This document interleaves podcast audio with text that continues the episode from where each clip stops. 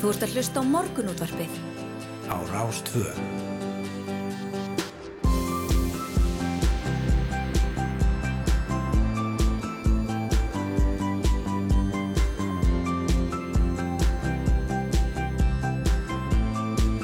Morgunútvarpið Á Rástvö. Já, við byrjum góðan dag hér í morgunúttarpana á Rás 2. Snæður Sindardóttir og Yngar Þór Björnsson. Bara heppir að vera með ykkur eftir uh, ferðina og allt ruggli sem að gekk hérna á í morgun. Já, já, það er ótaf að segja það að, að snjóþingslu og ófærð hilsi íbúum um, já, aftur, Já, já, enn og aftur Enn og við sagt. aftur. einhvern veginn, þetta er hérna vorum orðinu vönd því að keira e, í vinnuna í ítalsverði einhvern já, og við ætlum að ræða þetta aðeins í dag. Já, já, þess, þetta snjóþingsli og ófærð hafa gert landsmunum erfitt fyrir síðustu daga og þau sem vinnað snjómokstri hafa vart undan og við ætlum um mitt í lok þáttar að ræða við Hjalta Jóhannes Guðmundsson. Hann er skrifstofustjóri Skiploks og umhverfisins Reykjavíkuborgar um álæð sem fylgir svona vetrarlæð og, og skipulæð það kemur að því að reynsa götur einan bær maður sér það sífælt á svona hverfishópum á Facebook að fólk kvartar við því að það sé ekki búið að riðja í hverfinu sínu, það er ekki búið að riðja götuna. Um, og þá er einmitt áhugavert að heyra veist, hva- hvaða skipulag tekur gildi þegar svona svakaleg snjóþingsl að gera já, vakna með okkur á, á hverjum mótni Já, einmitt, algjörlega. Og það er þetta búið að vera svona deilur hérna, það hafa uh, brefflóið á milli og, allt hvað hérna, þetta búið að vera svona, já, alls konar flókið. já, já, einmitt.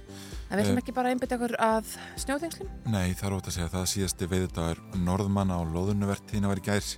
En hátt í 30 skip voru að veiðum fyrir austan landi í vikunni Útlit hefur verið fyrir að þau ná ekki já, að veiða hildar kvóta sinn. Og læðirnar hafa haft talsvöld áhrif á vertíðina hér á landi.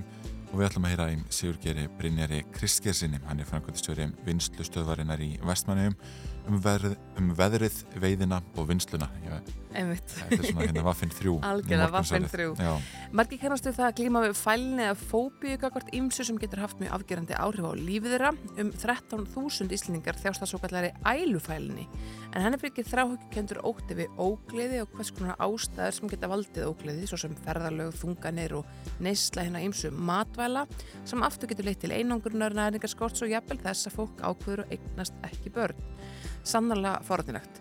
Sólu Dröpp Davistóttir, sálfræðingur hjá Kvíðameðfærastöðinni, hún kemur hingað og segir okkur frá þessari afar hamlandi fælni og rannsóknum sem að, KMS ætlar að gera á þessum hópi. Já, já, og síðan er það ásting KSI sem fer fram á lögadaginn næstkomandi. Þar verður kosið forman til næstu tveggja ára. Í gerðrættu við vöndum Sigurgestóttur, formann sambandsins sem sækist eftir endurkjöri og í dag ræðum við mótframbjóðanda hennar, Sævar Pétursson, frangandastjóra Káa, þegar hann greindi frá eh, frambóðu sínum eh, fyrir einhverju síðan sagði hann að hann hefði fengið fjölda áskorunum að bjóða sér fram, hann gerði ekki síst með það að leiðaljósi að setja fótboltan aftur í fyrsta seti hjá KSI og efla samskiptin við félögin í landinu. Og Sævar kemur til okkar klukkan kortir í átta og hann getur kannski sagt okkur svona nánar hvað hann vil gera og hvað hann á við með því að segja að, að hann vilja setja fótboltan aftur í fyrsta seti Já. þá getur spurt hann út í það hvað hefur verið í fyrsta seti í síðustu mánuði Emitt, en það mandar svo sem ekki búin að vera formaður mjög lengi, Nei. en já, já, við ve- veltum þessu upp.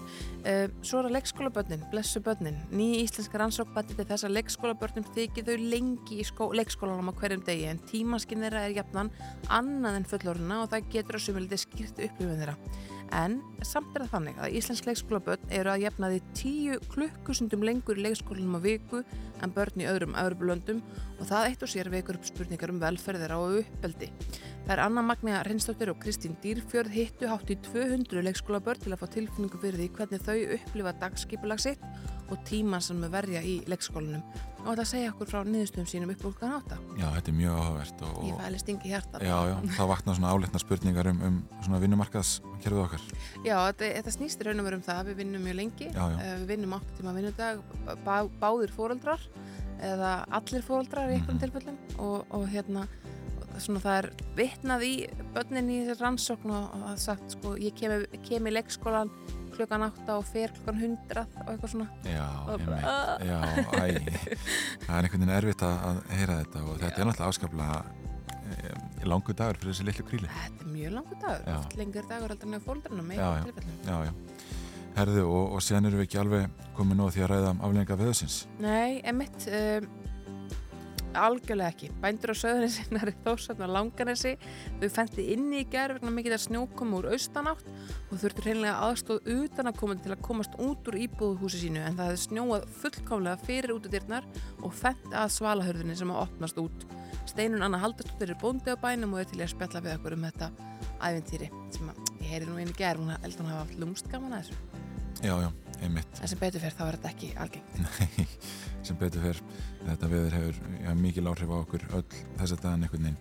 Ef við lítum að þess á fossiðu bladana þá er um, já, staðan við landamæri Úgrænu og Rúslands hér um, á fossiðu morgunbladsins og morgunbladið sinni því málu vel í dag um, er, með, er með margar síður um þetta Já, bara sjokkarandi mál getur við sagt. Já, Rúslandsfórstundi segist viðkynna sjálfstæði aðskilnaðsvæða. Já, hann segir, segir viðkynningu sjálfstæðis aðskilnaðsvæðana sem verður sér tvö héruð í austrúta Úkrænu ná út fyrir výglínuna í Úkrænu. Þetta í sáð þegar Úkrænu kallar eftir viðtækum efnagsfingunum til að halda aftur af áformum rúsa og að Úkrænumenn munu berjast fyrir hverri tommu af landi okkar, hverri borg og hverju þorpi. Þannig að það er, það að það um, stefni talsverar um, já, enn frekari deilur hérna getur við sagt. Að á þessi rúver að finna, finna beina textalýsingu á helstu um, já, viðbörðum og, og helstu, helstu fréttum sem tengast þessu máli. Þar kemur fram að Putin segist tilbúin að ræða diplomatiska lausnir, þetta kom inn núna í morgunsárið. Listi yfir í morgun að hann var tilbúin að ræða þessa lausnir í Ukrænundelinni saði Hagsmunni Ríkisins þó óum semjanlega Um, hann, um, Scott Morrison fórsetisráð þeirra ástraljum hann hvest gera ráð fyrir því að rúsa sækja fullum þunga inn í Úkrænu innan sólarhings þetta kom inn hérna klukkan halv sex í nótt. Heyri þeirra séu reyði búin til innrásar en Morrison tekur undir með yfirlýsingum Joe Biden, bandaríkja fórseta um að innrás séu raun hafinn hann segir að gerir rúsa óasættanlegar og ástæðulösar Emitt. Hér á fórsöðu fréttablasins er forhættilega frétt sem að um, segir hennilega mestu fjármála afglöp sögunar á sveitarstjórnastígi hafi verið þegar Reykjavík og Akureyri seldu eignar hlutsin í landsvirkjun að sög borgarstjóra. Uh, ríflega tvöföldun hagnaðar hjá landsvirkjunum milli ára undistrekkara salan á eignar hlutum Reykjavík og borgar og Akureyri bæjar í fyrirtækinu árið 2006 var nextli að mati dagsby ekki svona borgarstjóra og leðtóa samfélgarinnar í borginni. Eini bæjarfulltrún á Akureyri sem greitti aðkvæði gegn sölun er á sama máli og kallar söluna dýristu mistök sögunar í akureyskar bæjapolítík. Mm -hmm. Borgin fekk ríflega 27 miljardar krónar fyrir sölun árið 2006 og akureyri bæri rúma 3 miljardar en samkvæmt ársrekningi landsvirkjunum 2021 namn hagnaður fyrir óvinnlista fjármaksleiði tæpum 30 miljardum króna. Uh, landsvirkjun leggur til að greitti verið 15 miljardar í arðvegna afkomu síðasta árs. Yfir Reykjavík borg ætti enn 44 og 44,5% hlutsinn hefði borgin fyrir skatt fengið 67 miljardar króna í arð bara fyrir síðasta ár og Akureyri hefði fengið 750 miljónir það hefði nú munað það líklega í rekstri þessara tveggja stærstu sveitafélaga landsins eða Akureyri er kannski ekki stærst næst stærst, nei, en ég held að, þessi fjórða, já, fjórða fjölmannast alltaf emitt, um, talandu kostnað, þá er líka fjallan það hérna á annari síðu morgunblassins að e, þessar tvær stórum fluttningslínur landsnets, Sultungar, Tangalína 3 og Búrfærslína 3 sem flyttir áorku frá virkunum á þjósára og tungunar, e, tungna á svæðinum til höfuborgarsvæðinsins fór út í fyrra kvöld og það er ljóst að tjón landsnets leipur þar á, á tögum miljónam króna En það er komið tíma til að fara að skipta yfir á fréttastofuna, er hvað þau hafa að segja. Jújú, jú, og síðan ætlum við að fara betur yfir veður og færð við ætlum að ræða við steinunu önnu Haldósdóttur bonda á Söðanesi og síðan aðeins að ringja til Vestmanæja og heyra af loðunu veðinni. En fyrst fréttir. Þú ert að hlusta á morgunútvarpið. Á Rástvöð.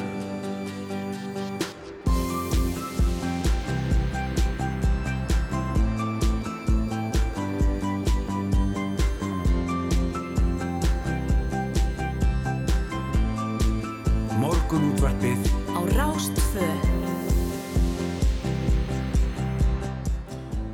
Morgunútvarpið býður góðan dag.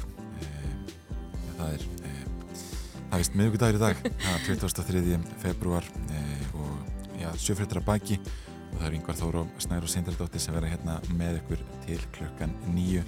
Eins og alla virka daga, Snærós. Já, emitt, og bara mánuðurinn óðum að líðandi lók, þannig að mándag næsta þá er, uh, eða svo þriðdag næsta kemur mars. Já, einmitt. Ég ætlaði einhvern veginn ekki tróðið því ég leita á fórsum morgunblassi hérna að það væri, væri komið 23.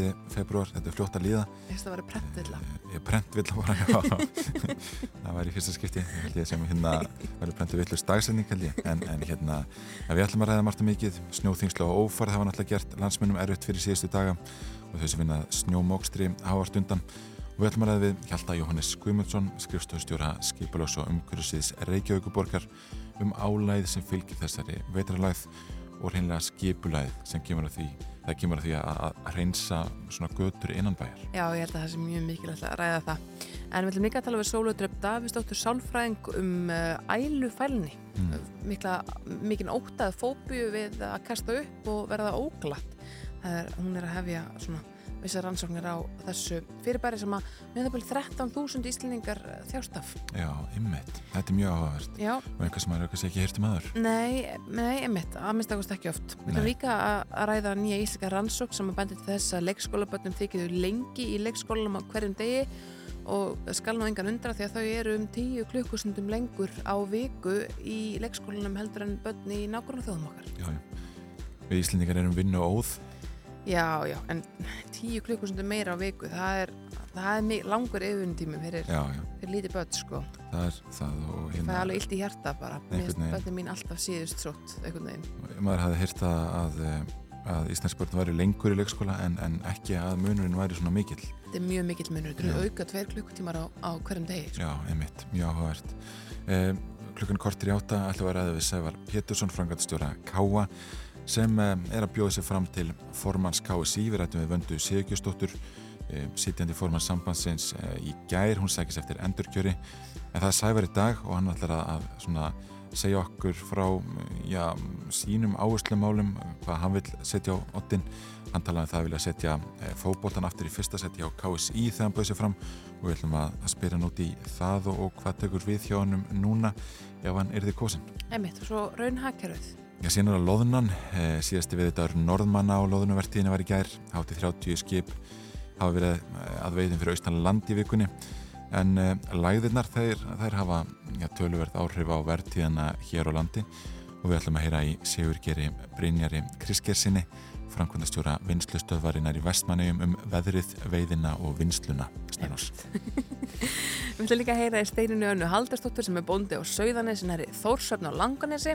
En uh, hanna og hennar fjölskyldu fendir hennilega inni í gæri það þurftu að fá utanakomandi uh, aðeina fjölskyldumæli með til að grafa svo út. Þannig að hérna, það bara ströng austanátt og mikil úrkoma og það bara, já Já, já. Þeir voru först, það var ekkert flóknar það. Það er ekkert flóknar það, það er ekki sér rétt að ég mitt að fara aðeins, að líta aðeins til veðurs. Það er hæg sögulega eða breytilega átt í dag og lítið sáttar snjókoma eða jél á sunnanverðu landunni í fyrstu en annars úrkomulust að kalla. Í nótt snjóaði talsvert á höfuborgarsvæðinu eins og við tókum eftir áleið til vinnu í morgun, það er ótt að segja það og því um að gera að fara varlega í umferðinni. Gengur því norð-austan kvassviðri eða storm á norðanveru landinu undir hátegi, fyrst á vestfjörðum. Gular og appilsunugular veður viðvaranir vegna hríðarir í gild á þeim slóðum í dag og heldur hægari vindar og róvar til fyrir sunnan. Dregur smá saman úr vind og úrkomi í nótt, norðan strekkingur og tálitil jél á morgun en létt skíðað sunnan heiða. Það verður áfram kallt og kvast í dag. Já, já segir hér á vegagerðarinnar að búast með við því að færðir spillist og vegi geti lokast uh, með mótninum og lítið sem ekkert ferða veður verði á meðan að viðvörun er í gildi. En það er vetra að ferða á landinu öllu. Krapi víðast hvar á höfuborgarsvæðinu og varasamar hólur sem að vegfærandur eru kvætti til að aga með gát. Uh, það er ófært á mótluseiðin unnið að mókstri og krísavíku vegur, vegur er reynlega ófær Það er búið að opna helliseiðina en það er snjóþykja á vegi og skafrenningur og búið að opna veginum þrengsli en það er líka snjóþykja á vegi og það voru þetta bara fjöldi bíla fastir þar ekki er. Uh, mjög, já, bara það er hérna mynda því á fórsvíu fréttablasins það sem að vera að grafa bílaröðinu út, handmókan út. um, ef við skoða hérna á Vesturlandi þá er snjóþykja eða hálka á flestum leiðum en flughált í staðarsveit á vestfjörðum um, er vegurinn lokar um dynjandisheiði en snjóþykju hálka viðast hver annar staðar og aftur minna það að appilsningulu viðvörun er fyrir vestfyrði í dag og vegfærandi beðin um að kynna sér viðuspa áður en lagt er á stað. Vegurinn um víkusgarðir lokaður og uh, uh, já, uh, já, að fleiri lókanir eru ekki, það er bara veitarfærð. Já, já, ég mitt og ágætt að heimsækja við að gerðarinnar áður en haldið er út í dag sem þennan. Yes. Herum, við ætlum að fá fyrsta lagdagsins, eh, höldum síðan áfram hérna í morgunundarpinu með stútfylgdan þátt eins og ofta áður. Þetta er Maybe I'm Amazed með Paul McCartney og Wings.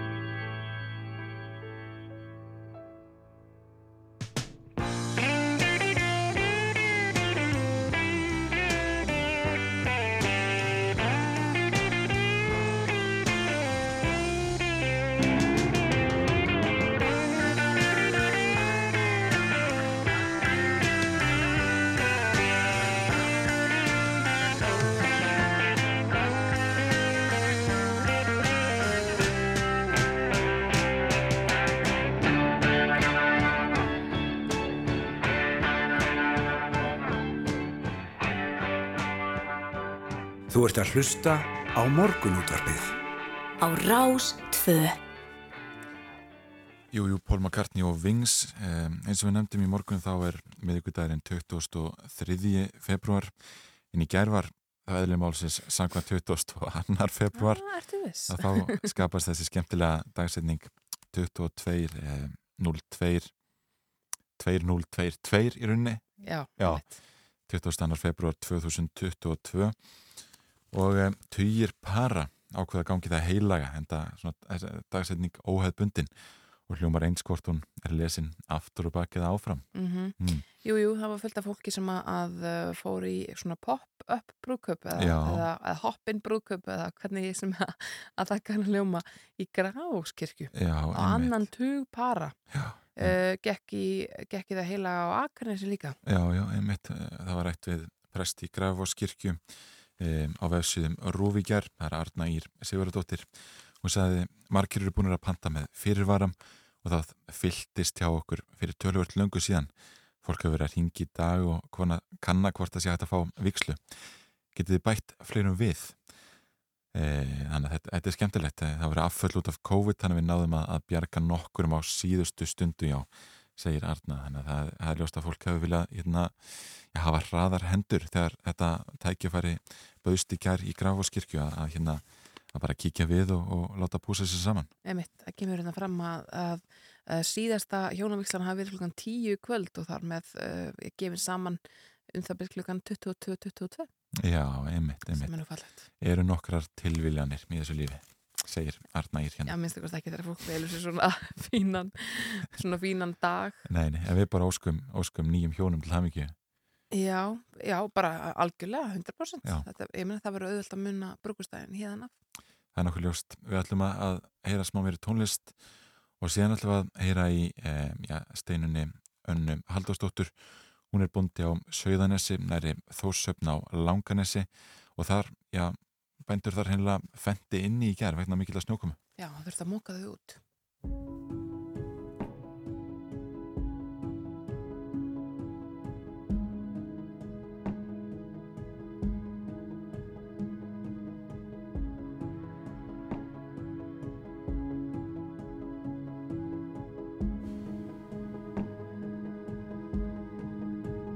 Ég ber stein í þessu það breytir ekkert því að sól vermir heiði og kirkjubjöllur ringja á sunnudegi og fá mig til að stoppa eitt egna bleik í friði.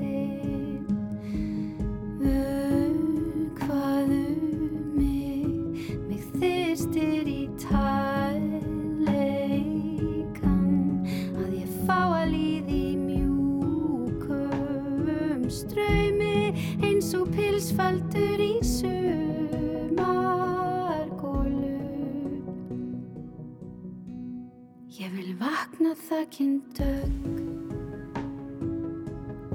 sem leipir sólar gull í stein sem situr þungur í maga mér sem fastast. Ljósið færan til að kristallast endur speiklar hlýjum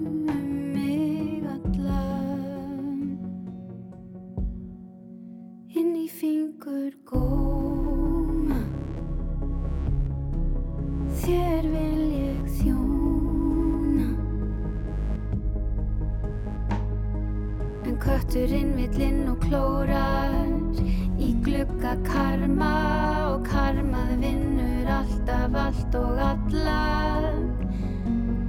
Af hverju býr hjartað ekki í höfu kúpu og heilin kvílist við? Sefandi lungu þá myndir egna yfir heilan ástar hjúpur og kæla þetta sviðna hugar ángur og ég vil að þú vitir að hefði ég haft vitir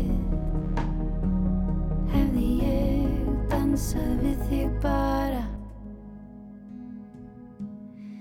Ég ringsólast í törum og skuggasælu til ég veldist um í tjörum og hvítum fjörum og mér heyrist eitthvert greið vera að öskra en öskrin hljóma og svo kunulega vatnið sínir speil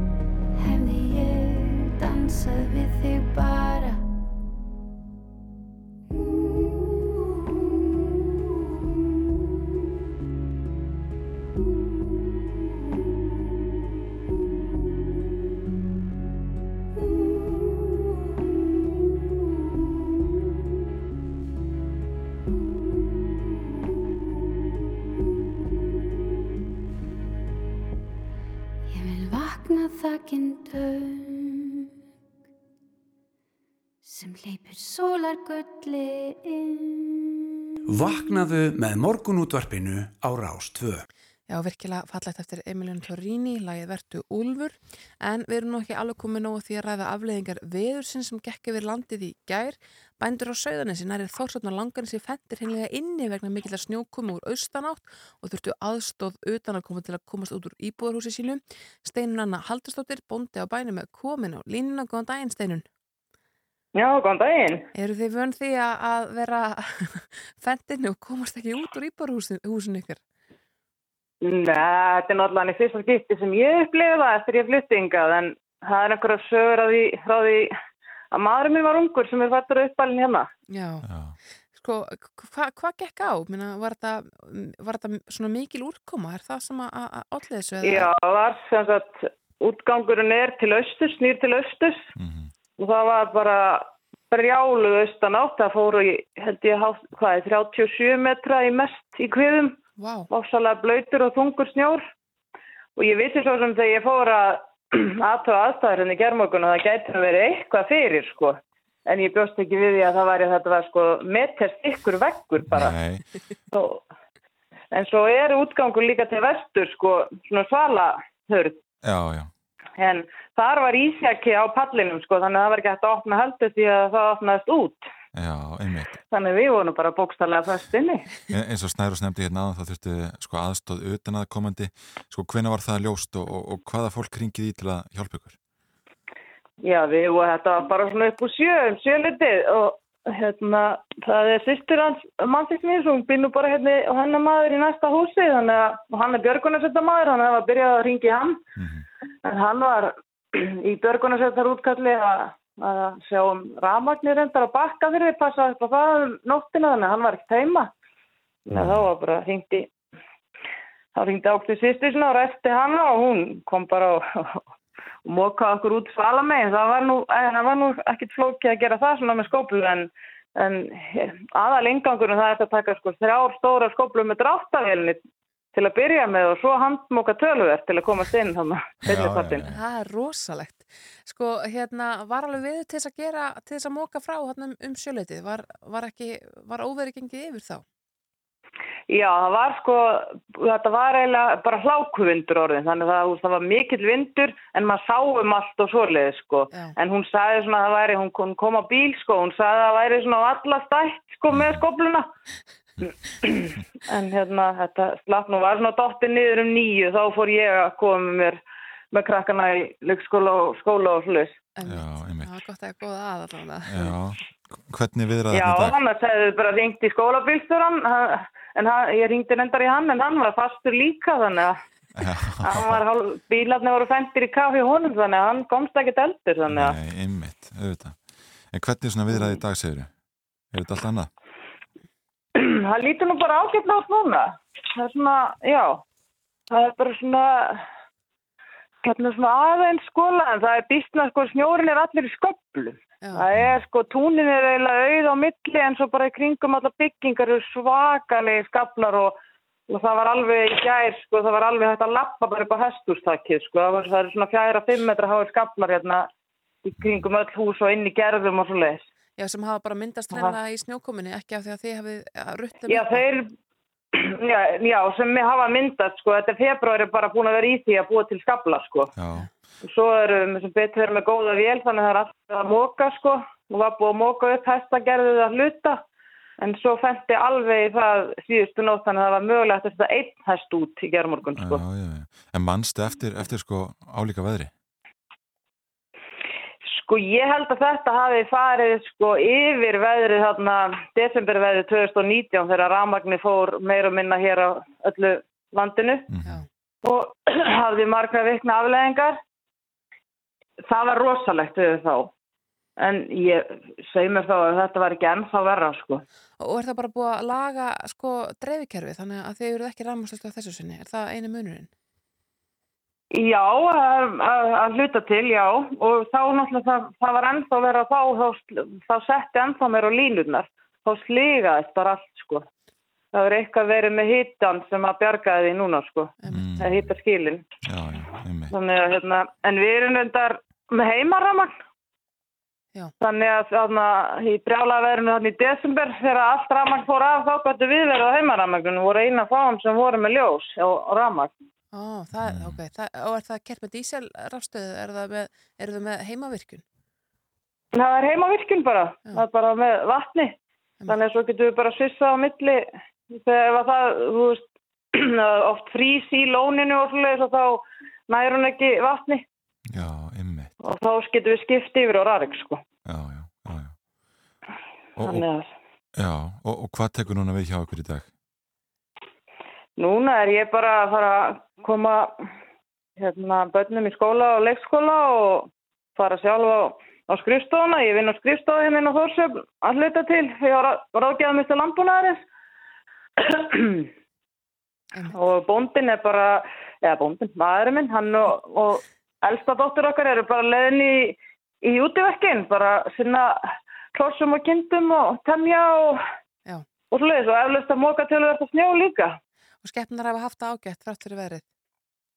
Já, já, já, maður vorkendur svo frá kannski hrossunum mest sem eru bara á útigangi en eru bara með svona skíli en ekki hús. Mhm.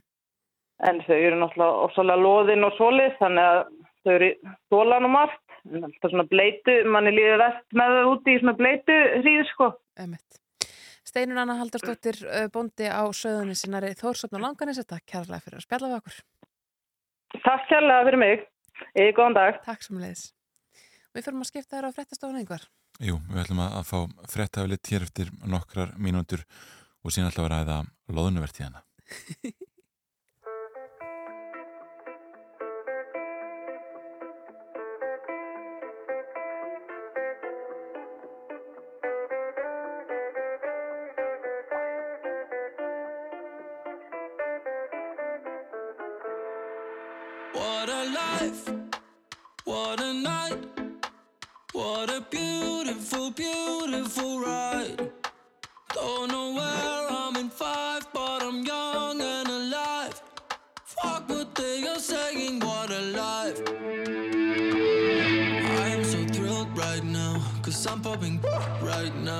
Don't wanna worry about a thing. Don't wanna worry. But it makes me terrified to be on the other side. How long before I go insane?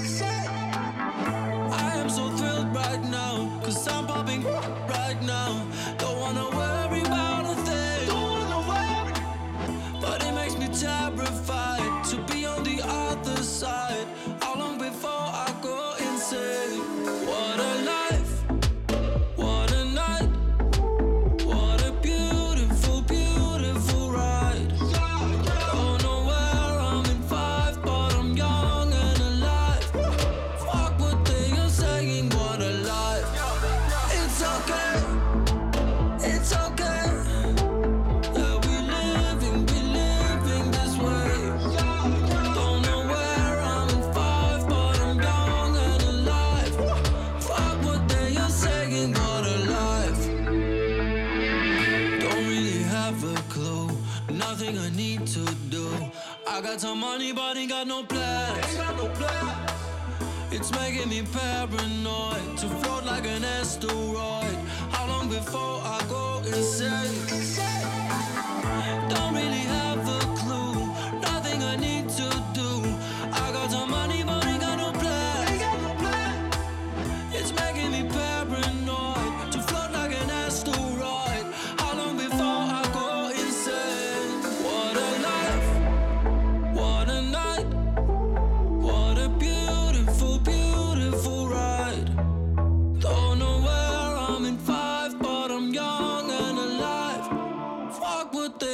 What a life. It's okay,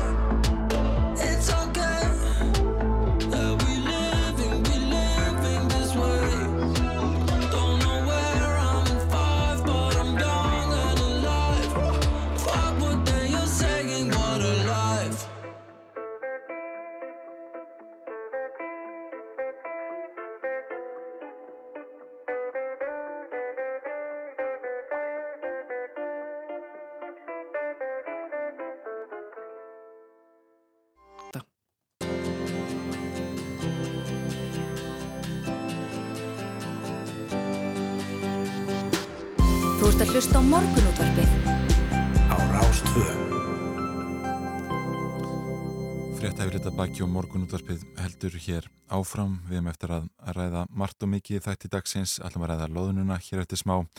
Ræða við Sævar Pétursson sem býður sér fram til formans KSI. Við ætlum að ræða e, já, hversu lengi börn eru e, á leikskólum hér á landi. Það er mitt. Þeim finnst þau lengi. Já, einmitt. Og réttilega kannski. Já. Ælufælni og e, snjómokstur. Við förum víða í þættinum í dag.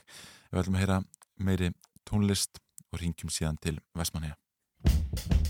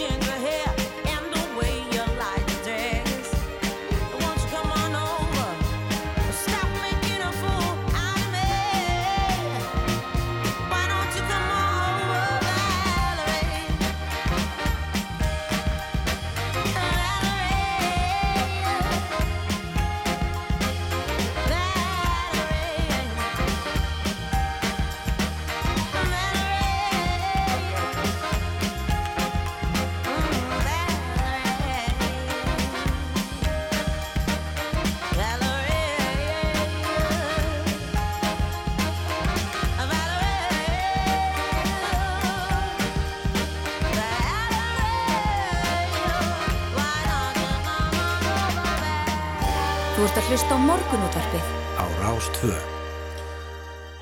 Það er ótaf að segja að læðirna sem gengið hafa yfir landið hafi haft um, umtalsverð áhrif á verðtíðina hér á landi og Sigurger Brynjar Kriskersson, framkvæmdastjóri vinslustöðvarinnar í Vestmanni með komin á línuna, góðan daginn. Já, góðan daginn. Já, veðrið hefur haft talsverð áhrif á, veiðina, það er ótaf að segja það. Já, það er vel ekki og grátt núna maður. Það er, það er hver læðin að fætur önnur og annari og kvöldstórfið og fætur annari. Sko. Já, já. Þetta búið ansi erfitt. Og Janúar var náttúrulega mjög erfiður. Hann vildi til að veiðin var þá aðalega fyrir norðaustanland sko. Mm En núna er veiðin komin söður fyrir landið og, og inn í fagsaflóa og, og þá eru söðaustanáttinnar og sunnanáttinnar erfiðar. Já, já. Þið eru rauninni bara algjöru, algjöru kapplaupi við veðrið. Já, núna er það bara algjörð er þetta, þetta sem að var að, að, að við fengum þessa þannig ádráttum það að það væri minni kvóti og þá hérna, dróðu aðeins úr veiðinni og, og aðeins ætliðum að reyna að hingra og hafa hérna, magnið reyna að hafa það sem mest í verðmætin, hérna, setni hlutan sko. En það er svona aðeins að koma okkur í koll núna en það er auðvitað gert allt í á, á bestu upplýsingum og, og við erum ekki að skammast til það þegar að menn segja frá satt og rétt frá. Sko, ef maður skoðar vef, vefin loðnufrétti.is þá kemur fram að það sé ennþá 43% af kvótarum enn óveittur. Náið að klára þetta? Það að klára kvóta? Það fer stolti mikið, það fer auðvitað bara algjörlega eftir veðri sko. Ef að veðri, ef veðri er því líkt sem búið að vera þá verður þetta mjög erfitt. Svo er líka hitt sem að er í þessu að, loðnan virðist vera svona stolti öðruvísi heldur, en- undanfæran ár reyndar þetta 2-3 síðustu ár hefur verið lítið sem ekki veiði en, það, ég er náður svo gammal ég manna þess eftir þessu. Þannig að sko að loðnan hún veiðist eiginlega sko nánastorið frá Malari við vestur á Snæfisnesi og, og, og austi fyrir Ornafjörð með allir suðuströndinni. Það eru göngur á, á leiðinni og á mismunandi þroska og starð, hrognafylling og þess og þar sem skiptir máli.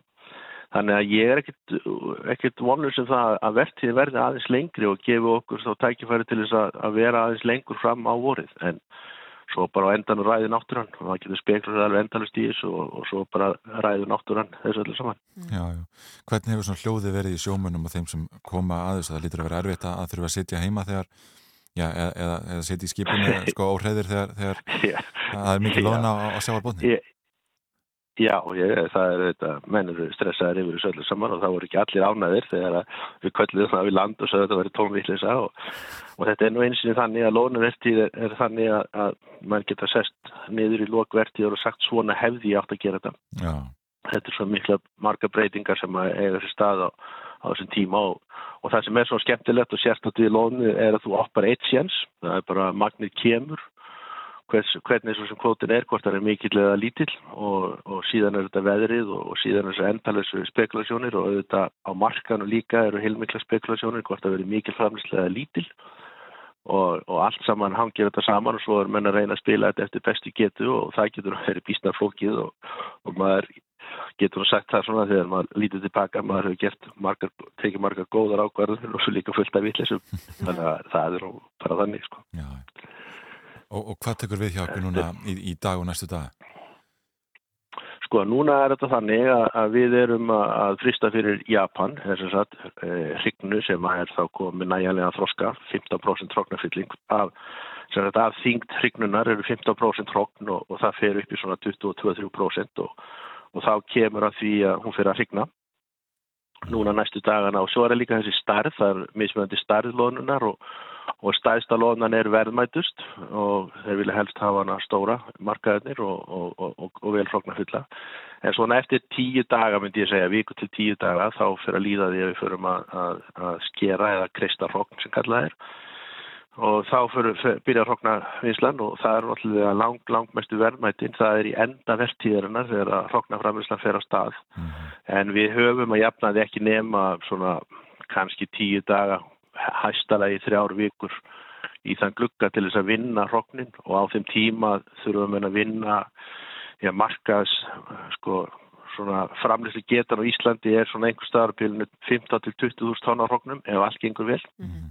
Þannig að það þarf gríðarlega mikið að gerast og til þess að framleiða 100 tonn af, hróknum eða 1000 tonn af hróknum að, að, að hérna, e, segjum 100 tonna þá þarf það byrja svona 1000 tonn af, af, af af, af loðnu það er að landa um 1000 tonnum og við erum að framleiða á hverjum degi svona kannski 200 tonn pluss mínus og ef við förum yfir það þá þurfum við að landa um 2500 tonnum á dag þannig að það er heilmikið, heilmikið umfang í því. Já, þannig að þið bara blótu til veðuguðana núna, vonið að þeir þýðist ykkur. Já, við erum auðmjúkir og, og byggjum fallega til við Guðsins Já. og allra, til Guðana, það já, já. Maður hefur bæði beðið til Guðsins hérna sem að við dyrkum hérna Íslandingar Já, og svo hefur maður líka farið til Japan og farið í, í hérna srænin eins og það kalla, ég kann ekki alveg að pera það fram og, og, og beðið til þess Guðs um að gefa góða lónuverti. já, já. Já, Við, við, við tökum bara undir þetta hérna í morgun með Það er allt reynd, er Við reynum allt til þess að ná lóninni. já, Sigurgeir Brynjar Kriskjarsson, framkvæmdastjóri vinstistöðverðinir í Vestmanni þakka að kjalla fyrir að vera á línu og gangi ykkur vel. Já, takk fyrir að heyri mér. Takk, takk. Sævar Pétursson sem að býði sér fram til formans KSI er eh, hér að fara að koma sér fyrir í setti hjá okkur en fyrst allavega að heyra smá Bubba Mortens, kannski bara, já, senda hvaður til vestmanniða.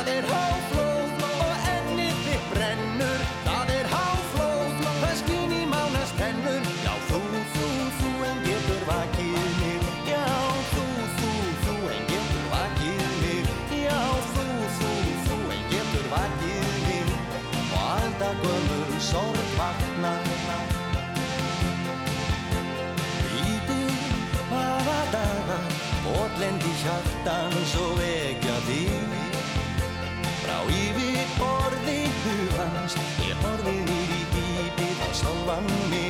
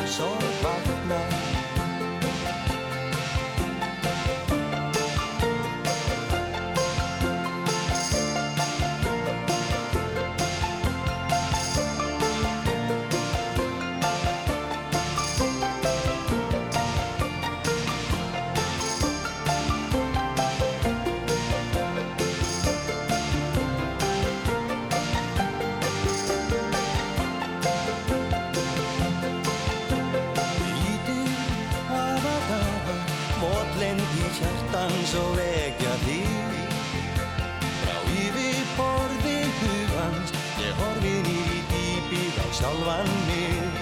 Það er háflóð, úr augum þínum rennur. Það er háflóð og ennið þitt brennur. Það er háflóð, það skín í mánast tennur. Já, þú, þú, þú, en getur vakið mig.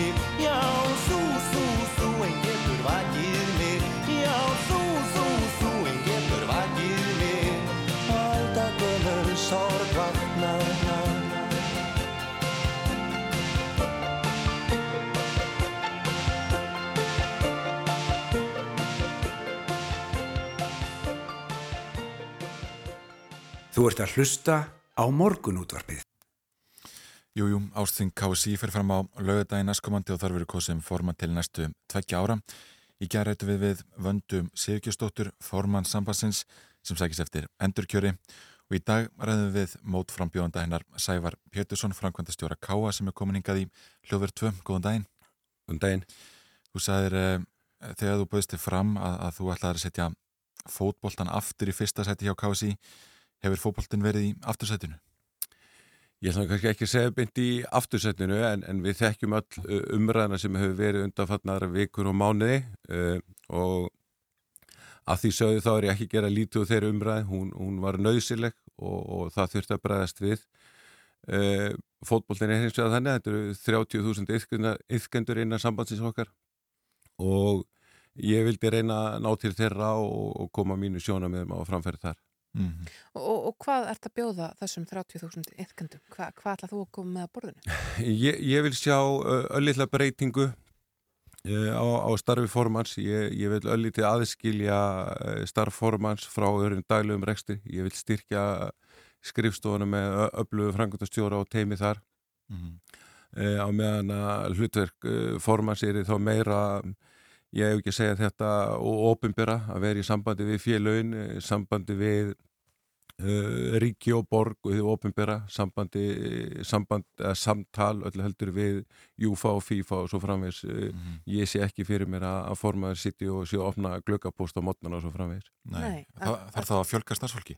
Nei, ég til ekki að þurfa að fjölga starfsfólki. Ég, ég held að það sé öflut og gott starfsfólk. uh, Það hefur komið í ljós og það kemur í ljós í út þetta skýslu að, að það sé ekki skýr lína á milli starfformans og frangöndastjóra. Og það er kannski hlutur af vandamálinn sem kom upp síðast á haust er að, að þau vísuðu hvort á annað því að það var ekki á hreinu hvort átt að gera hvað sko. Mm.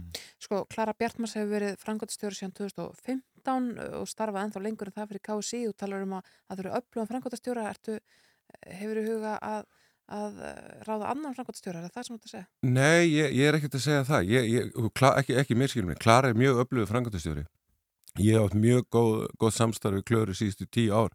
Það sem ég bara tala um að það þarf bara að raun hafa línun að skýra mm -hmm. þannig að frangotastjórin fá að vinna sittar og formaðurinn sittar. Þessi ekki að, uh, hvað maður segja, blanda reytum til þess að niðurstaðan verið þannig að mann veit ekki alveg hver og hvaða hlutverk. Mm -hmm. Já, já. Sko Vanda Sigurgestóttir var hérna hjá okkur í gær, hún alltaf bara verið formaður í einhverja sko fjóra mánuði eh, er ekki æskilegt bara að, að leifa hennar spreita sig hans áfram á þessu hlutverki eða hefur, já, hafa störf hennar verið þess eðlis að, að það þarf að, að breytum kurs strax? Nei, er, er það ekki fegurinn við líðræðið að hérna, við bjóðum okkur fram og svo, svo velur reyfingi hver er það sem leiðir uh, sambandi áfram.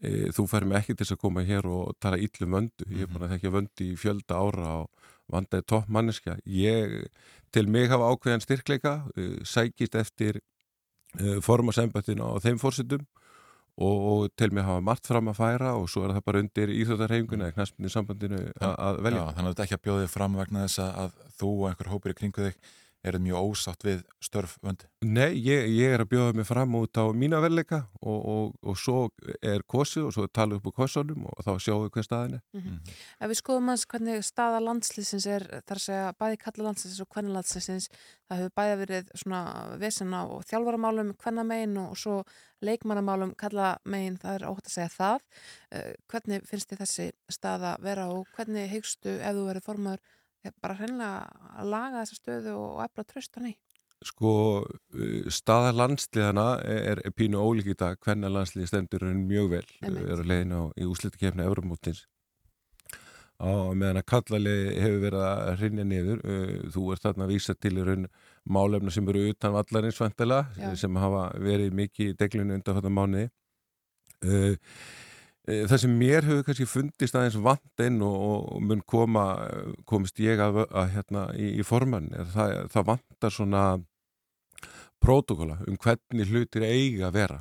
Uh, varandi þessi ofbeldismál uh, bara þannig að þessi sagt þá fordæmi allt slíkt uh, mér finnst bara að uh, íþróttarheimingin almennt, ekkert bara knaspinsambandi hún á ekkert að vera víl og díla með slík mál, þau eiga heima í allt öðrum ferðlega farvegi heldur en inn í einhverjum reikfylltum bakherbyggjum í íþróttarhefingunni Já. ef það kom upp ofbildismál það eru til ferðlar bara í réttakerfinu og þeim ber að vísa þar og einhver íþróttamæður þjálfar eða hvaða er fer ekkert eftir einhverjum öðrum lögum eða, eða ferðlum heldur en bara við almennt gerum í, í samfélaginu okkar. En má ekki færa rauk fyrir því að, þröskuldurinn eigi að herri en svo að menn hafi ekki hlotið ákjæraða dóm?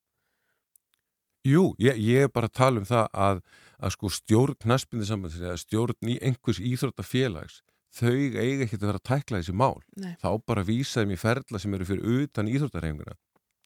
Því ef þú ert að fjalla um ofbeldismál alveg sama hvað tægi þau eru þá er það ekkert okkar innan íþróttarhefingan að reyna að sjalla slík mál. Þau bara að fara í sína ferðla og þar, þar, þar eru þau unnin, ekki inn í íþróttarhefingan.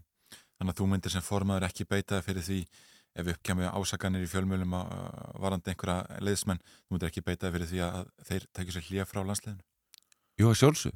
Bara, þú veist, og, og það, svo lína þarf að vera alveg hrein og hún þarf að koma frá íþróttasambandinu okkar, ef menn eru til rannsóknar, ef það komum sögursagni, hvar er línan, hún kemur skýr frá okkar regli sem er í sí og eftir henni förum við, við eigum ekkert að vera að mingla með þessar hluti fram og tilbaka. Nei, en er, er, er það ósattur við þessa svona rannsóknar nefnd sem að, að skila þessu skýrslu hérna á haustmánuðum um, um stöðunum kási, er það ósattur við að, að, að hlutin hafi farið í það ferli?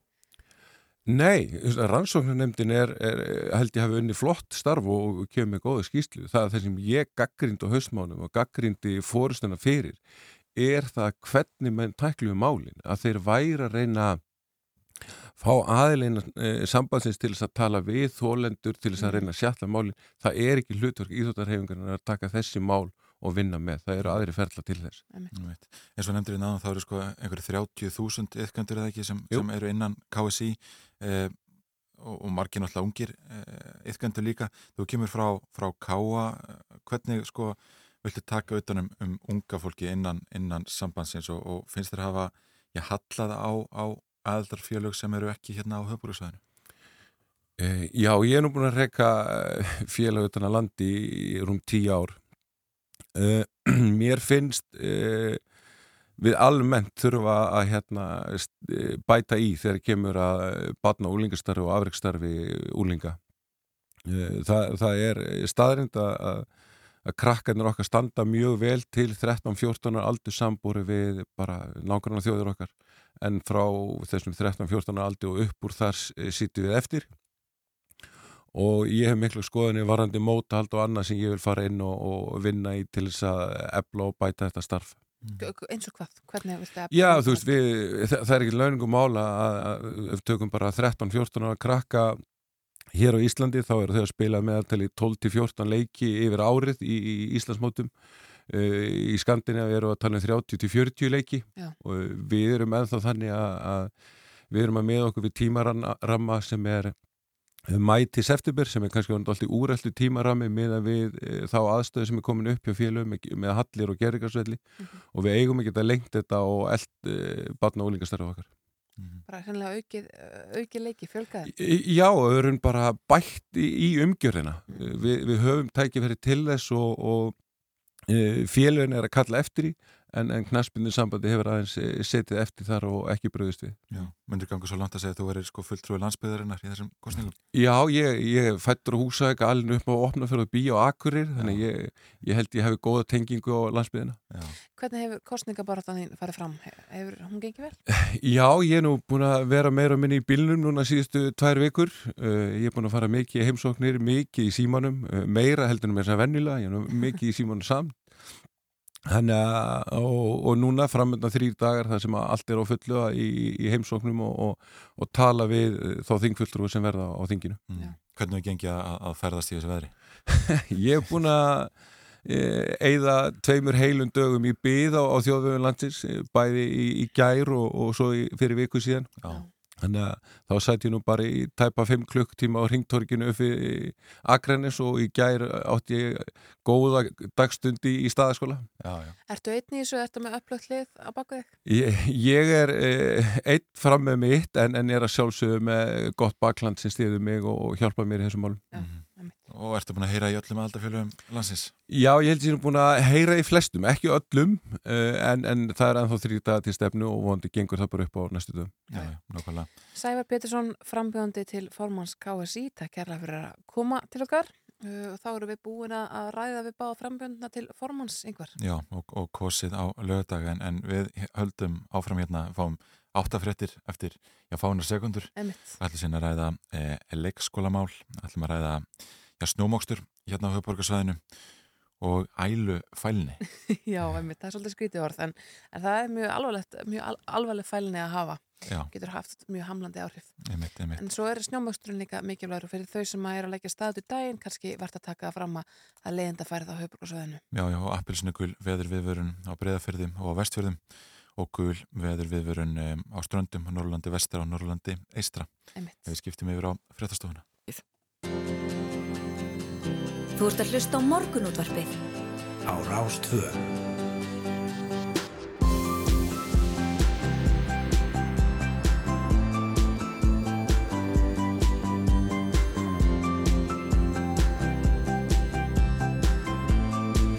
Morgunútvarpið á Rástvö.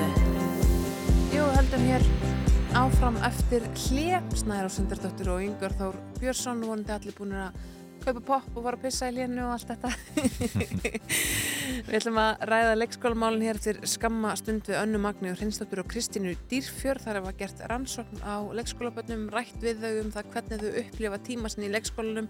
Og þeim finnst þau almennt svolítið lengi í Já, leikskólanum. einmitt. Leikskólabörn hér á landi eru jafnaði tíu klukkustundum lengur í leikskólanum að viku en börn í öðrum Evropalöndum og það einmitt vekur upp þessar spurningar um, um velferð barna og uppeldið þeirra og, og svona kannski vinnumarkaðskerfið hér á landi. Einmitt, þau eru auðvitað með aðeins annað, tímaskinn heldur en við fullorðna fólki og þeim finnst þau jafnvel í leikskólan klukkan 8 og koma heim klukkan 100 Einmitt. bara eitthvað, æ, ég veit ekki ég er bara, svona er nú mjúk ég fæ bara illt í hjarta þegar ég heyra þetta. Við ætlum að heyra eitt lag fyrst, þetta er lagið One of Those með Kaktusi Einarsinni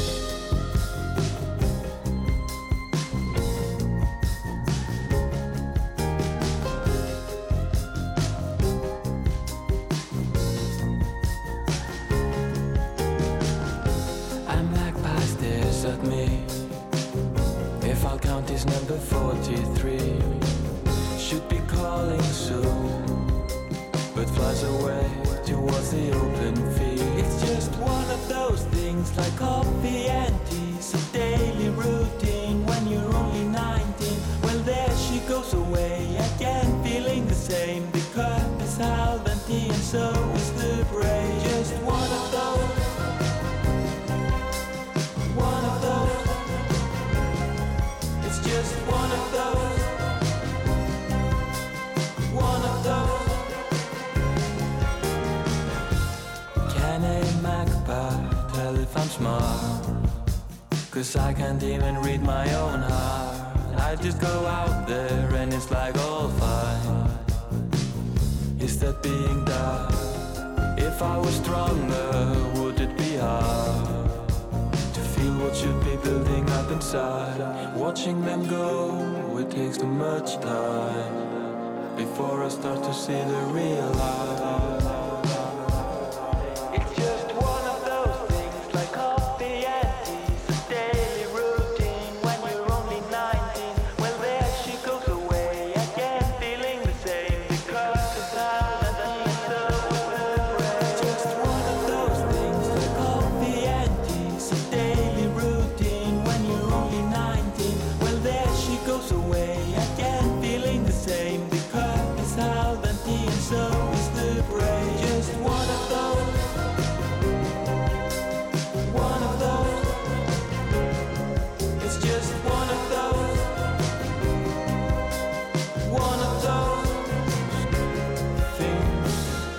Morgunútvarpið á Rás 2. Jújú, setni hálfleikur hafinn hérna í morgunútvarpinu á Rás 2 en ný íslensk rannsókn bendir til þess að leikskólabörnum þykir þau lengi í leikskólanum á hverjum degjum en tímaskinn þeirra er jafnan, já, annað en fulloruna og það getur sumuleiti skýrt upplöðum þeirra. En íslensk leikskólabörn er að jafnaði tíu klukkustundum lengur í leikskólanum á viku en börn í öðrum Európulöndum og Anna Magna Hreinsdóttir og Kristín Dýrfjörð um, já, þær eru komin einhver til okkar eh, stóðu fyrir þessari rannsótt, góðan daginn Góðan daginn. Þið talið við að hátt í 200 leikskólabötn eða umgangist þau, hver er svona eitthvað niðurstað varandi bara tímaskinn barnana, hvernig þau upplifa daginn sinn? Við byrjum með þér Anna. Já, það er annað en ok okkur fullorðina þannig að það er mikið að hafa það í huga þegar við erum að búa um þau í leikskólanum til dæmis og, og það, það sem vakti fyrir okkur var að aðtúa, sko við höfum mikið talað um uh, fullorðnir um hversu lengi börnin er í leikskóla og, og hvernig þau hafi það. En við höfum lítið leita til þeirra sjálfra um þeirra upplifun og, og okkur leik forvitna á að vita hvernig þau skinnjuðu tíma sinn í leikskólanum og hvað skiptiðu máli þar Mhm. Þannig að Og, og hverja voru helstu niðurstöðuna? Já, þau sko nota ekki klukkuna Nei. og, og uh, því skinjaðu tíman á annan hátt og þau gera það til dæmis þau átt að sjá því hvernig atbyrðunir eru, eru yfir daginn. Það er til dæmis eitt barni sem sagði þegar ég kem í leikskólan byrja ég að leika mér, svo fer ég að borða og þá fer maður að leika aftur, svo er samverustund og stundum út og svo inn og út. Mhm. Þannig að þau skinja vel sem sagt atbyrði dagsins. Já, einmitt.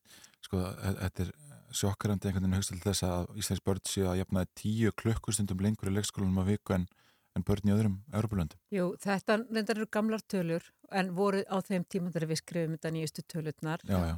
Þannig að hérna... En hefur þetta breyst sem sagt eitthvað? Við höldum vegna þess að bara sveitafélögin hafa minkað hérna þann tíma sem að hérna e, bara opna tíma leikskóla. Já, er aðeins verið fæk, stitt úr Já, stitt. fimm í Ég hálf er fimm. gammal leikskólastjóri hjá Reykjavíkuborg. Mhm. Þegar að ég byrjaði þá var leikskólinn opinn frá hálf átta til hálf sjö. Já, já. Núna er þetta eh, kannski hálf átta eða átta til klukkan fjögur, eða kortir yfir fjögur eða hálf fimm, jöfnvel fimm. Mhm. Þannig að tíminn sem að er möguleiki að vera í leikskólanum hefur stist Mhm. og þetta hefur gerst svolítið á síðustu árum. Þannig að ég hef þá trú og svo var það annað sem að var gert líka þannig að tíminn umfram áttatímana var gerðu dýrari e, fyrir Já, já. foreldra Já. og það hefur líka stýrandi áhrif á, tíma, á þann tíma sem að hérna Mhm.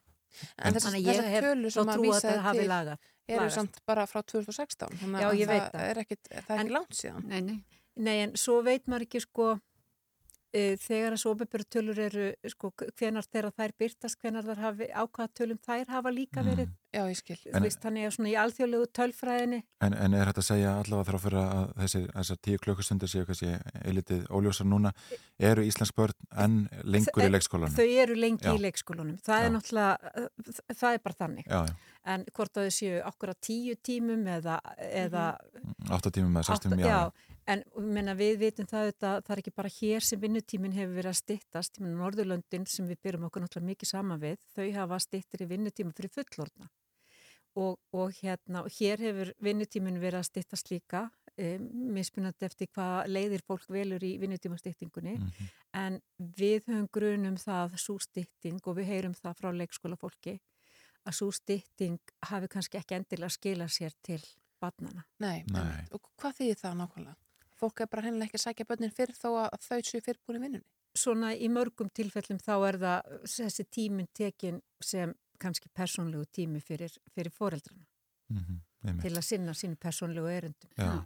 En, en hve- hvernig líður börnunum með að vera svona lengi í leikskólanum? Akkurat, við hérna fórum inn og spurðum þau hvað, uh, hérna, ertu lengi að stutt í leikskólanum? Mhm. Og þau uh, svörðu að uh, þau væru lengi í leikskólanum flest. Mhm. Og einhver sagði, mér finnst tíminn lengi að líða í leikskólanum. Og hann bara sagði, ég það stundum að býða lengi í leikskólanum þegar mamma er lengi að sækja mig. En uh, þau, uh, þeim fannst flestum mjög gaman í leikskólanum og þeim líður vel Mhm. og, og það að vera lengi var ekkit endilega slæmt. Nei. Það var bara, þau voru bara lengi. Þau átta sig á því að þau eru langa daga. Já, já. Þau koma þegar það er myrkur og þau eru sótt kannski þegar það er myrkur. Og, og við spurðum þau ef þau væri stutt eh, einhver, hvað, hvað myndu þau þá fara að gera? Og þá uh, voru þau kannski að fara í ammæli fannst þeim eða jarðaför eða í búðina Já.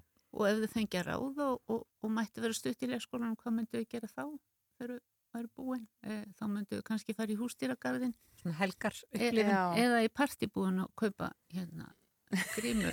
Við- við vorum að gera hluta rétt fyrir öskudag. Já, þannig að þau eru ekki að svara á þá leið að, að þegar þau klára snemma þá eru þau að fara bara hérna einhvað að partúsa með fólkdurinn sín. Nei, ekki endilega sko. Þau tengda mikið við búðina líka. að búðina þá. Já, en en getur verið að- að fólk sé með að nýta styttingu vinnuvíkunar í það að fara í búðina án barnana og, og, og hlýfa þeim þá við það áriði? Kanski, en það er líka þá hægt að panta Já, emmitt, já, emmitt, það er komin heimsending. En, þau, en þau sko, þau eru svo snið, þau eru bara svo mikið í núinu, þau, þau stýrast mikið á núvitundinu og, og þau eru ekki mikið að velta klukkunni fyrir sér. Hún, hún er hundrað eða tíu eða eitthvað. Sko við Þannig að- náttúrulega líka upplýðum það sem er líka ágætt að segja frá að sko þau upplýðu hluti sem geta, geta tekið langan tími í leikskólanum, bæði mjög skemmtilega hluti eins og að leika í kuppunum sem þeim fannst skemmtilegt, það gæti tekið, la- tekið langan tíma, en líka svona hluti eins og það að býti strætó eða syngja lag sem þeim fannst leðilegt, það gæti tekið alveg óra langan tíma. Já, en sko Þannig hvaða að upplifunin er Já. tengt því sem þau eru að gera og hvort hún er góð eða slæm tengist líka hvort að þeim finnst hlutirnir áhugaverðir eða. Hvaða sko taugafræðilegu ástæður eru á baki þess að börn upplefa tíman svona, svona ólíkan okkur fullornum sem að upplifa hann kannski meira svona línulegan og, og vissulega líður mann stundum eins og vinnudagurinn hafi líðið hrætt og aðrir hægt og stundum líður mann eins og þessi miðjugudagur þegar það er föstaður og öfugt sko. En, en, en hvaða ástæður er svona það baki því að þau hafa svona, uh, svona slagt tímaskinu sem að orða Já, þau hafa ekki lært á klukkuna. Þau, þau mæla ekki tíman eftir klukkan er mannleg Já. þau mæla tíman eftir hvenna þau vakna, hvenna þau borða, hvað þau gera næst. Bara Og- svona eins og já. bændur í íslensku Já, samfélagi þannig og, að, öll sko. Einstein sagði á sínum tíma að hérna, ein, eina ástæðan fyrir því að vera með klukku er að svo allt myndi ekki gerast á sama tíma. Já. Að eh, hann, hann var fullorðin þegar hann sagði þetta. Já. Hvað hérna sko, við sjáum þá á niðurstöðum þessar rannsóknar að börnin eru vissulega lengi í leikskólanum e, þeim líður hins vegar að, að þér viðist vera ágætlega þar e, er tilefni til að, að ráðast í einhverja breytingar?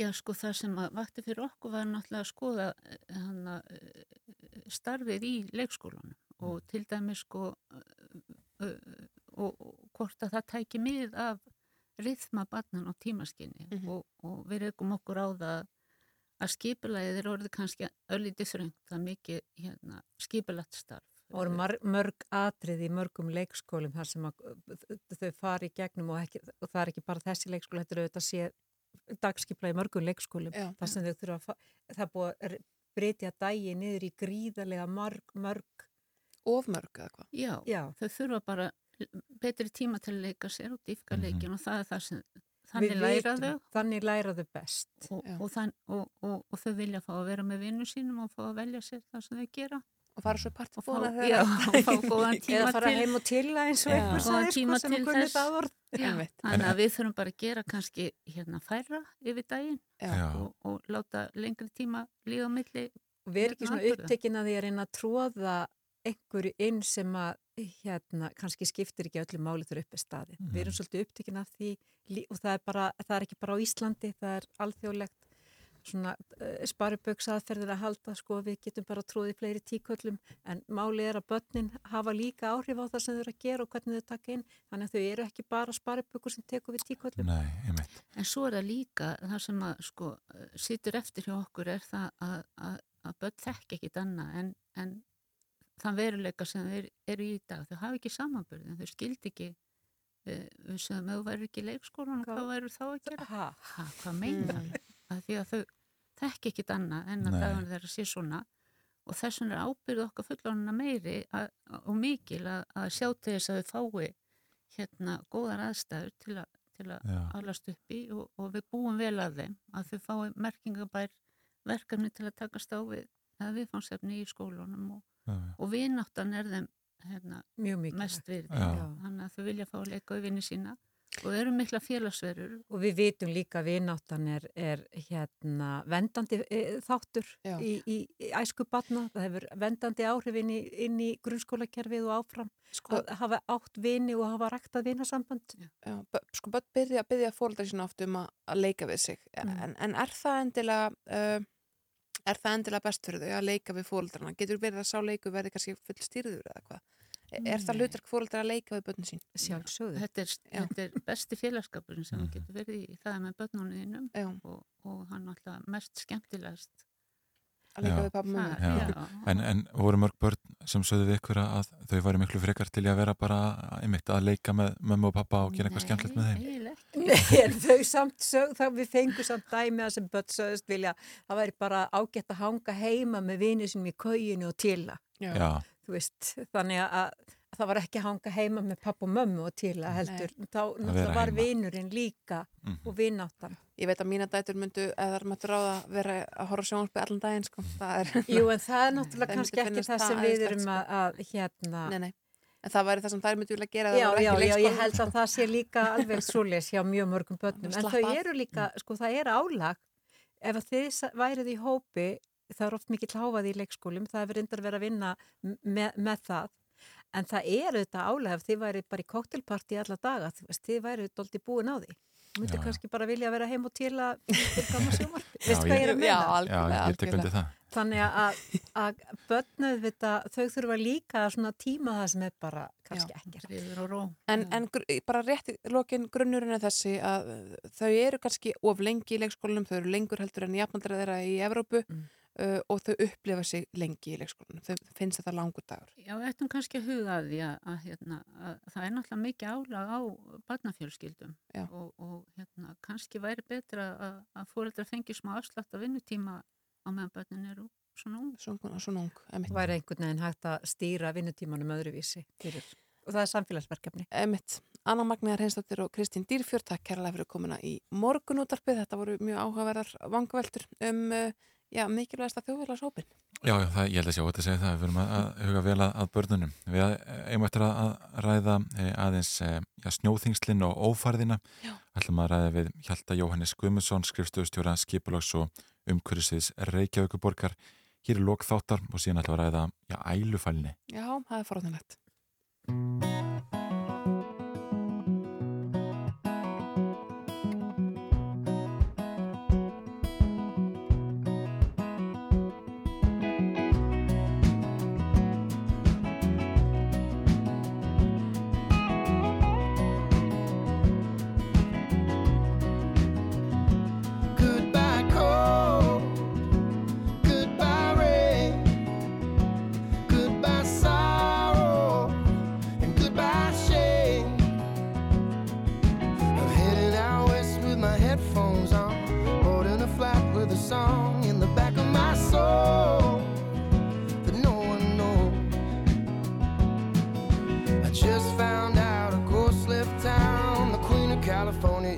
up and down.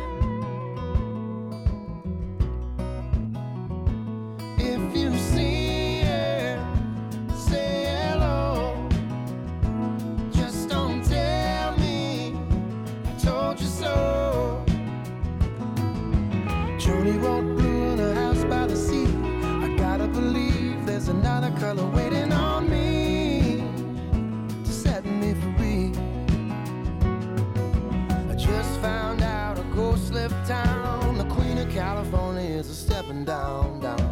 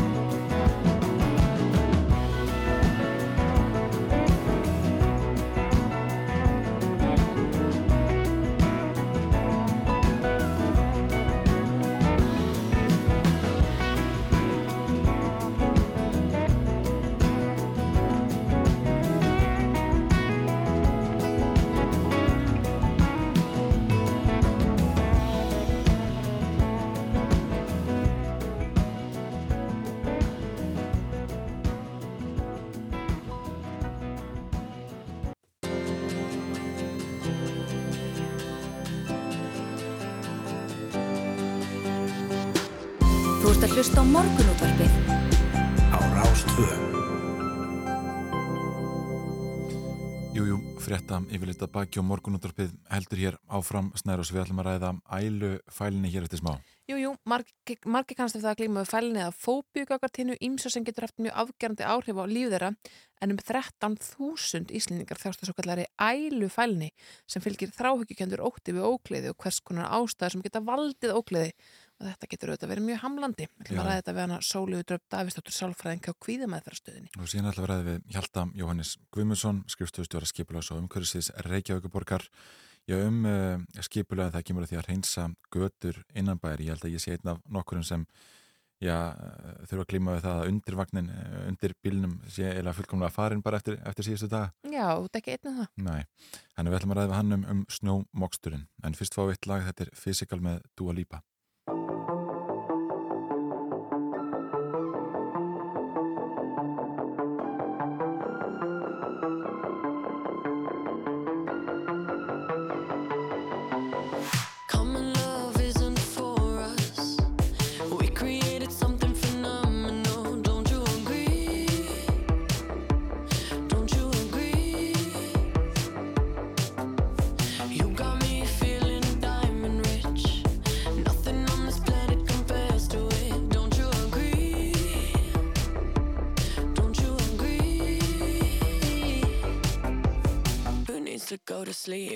Got I'll next to me.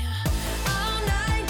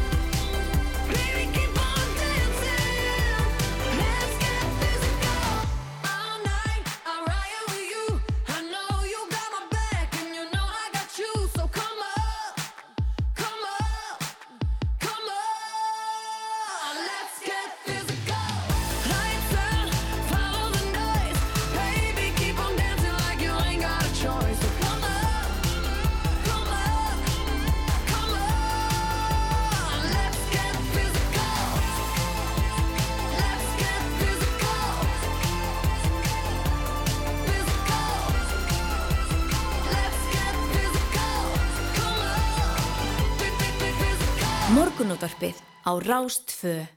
Alla virka daga frá 6.50 til 9. Jú, jú, þið þekki þetta. En það eru líka meir, margir sem að er að hlusta sem að þekki það að hafa fóbíu af eins og tægi að fælni, um það byrjum 10% þjóðurinn þjást af einhvers konar fælni og uh, já, að mati uh, starfsfólks kvíða með ferðstöðurnar þá er um 13.000 íslendingar sem þjást að svo kallari ælufælni sem hafa bara hreinlega þrákendan óta við ógliði.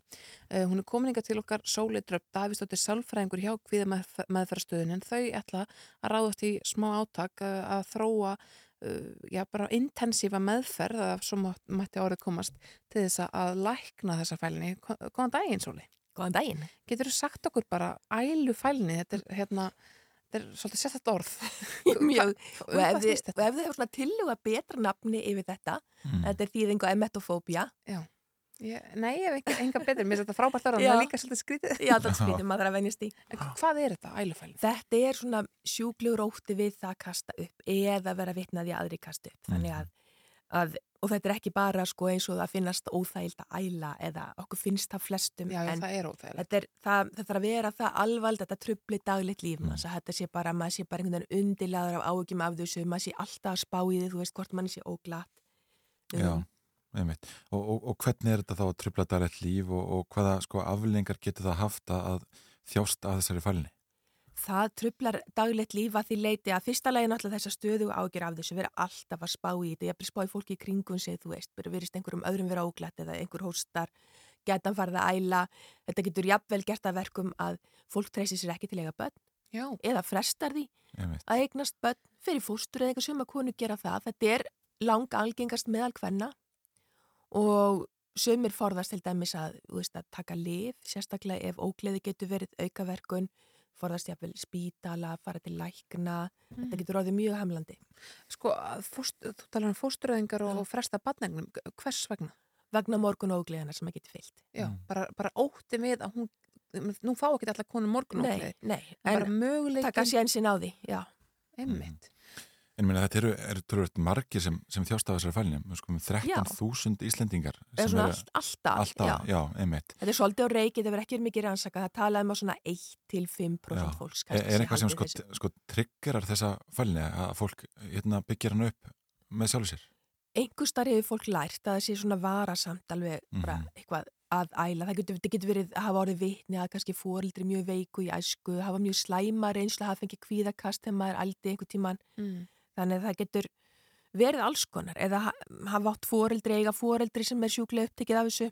Einmitt. Og, og þetta hefur, getur líka haft áhrif á batna uppeldi þar að segja þegar börn verða veik. Já, og svona sumi fóreldra með ælufælni treysta sér alls ekki til þess að vera nálægt þegar þau eru veik. Einmitt. Þannig að þeir þurfa beinlins að fara heimilinu.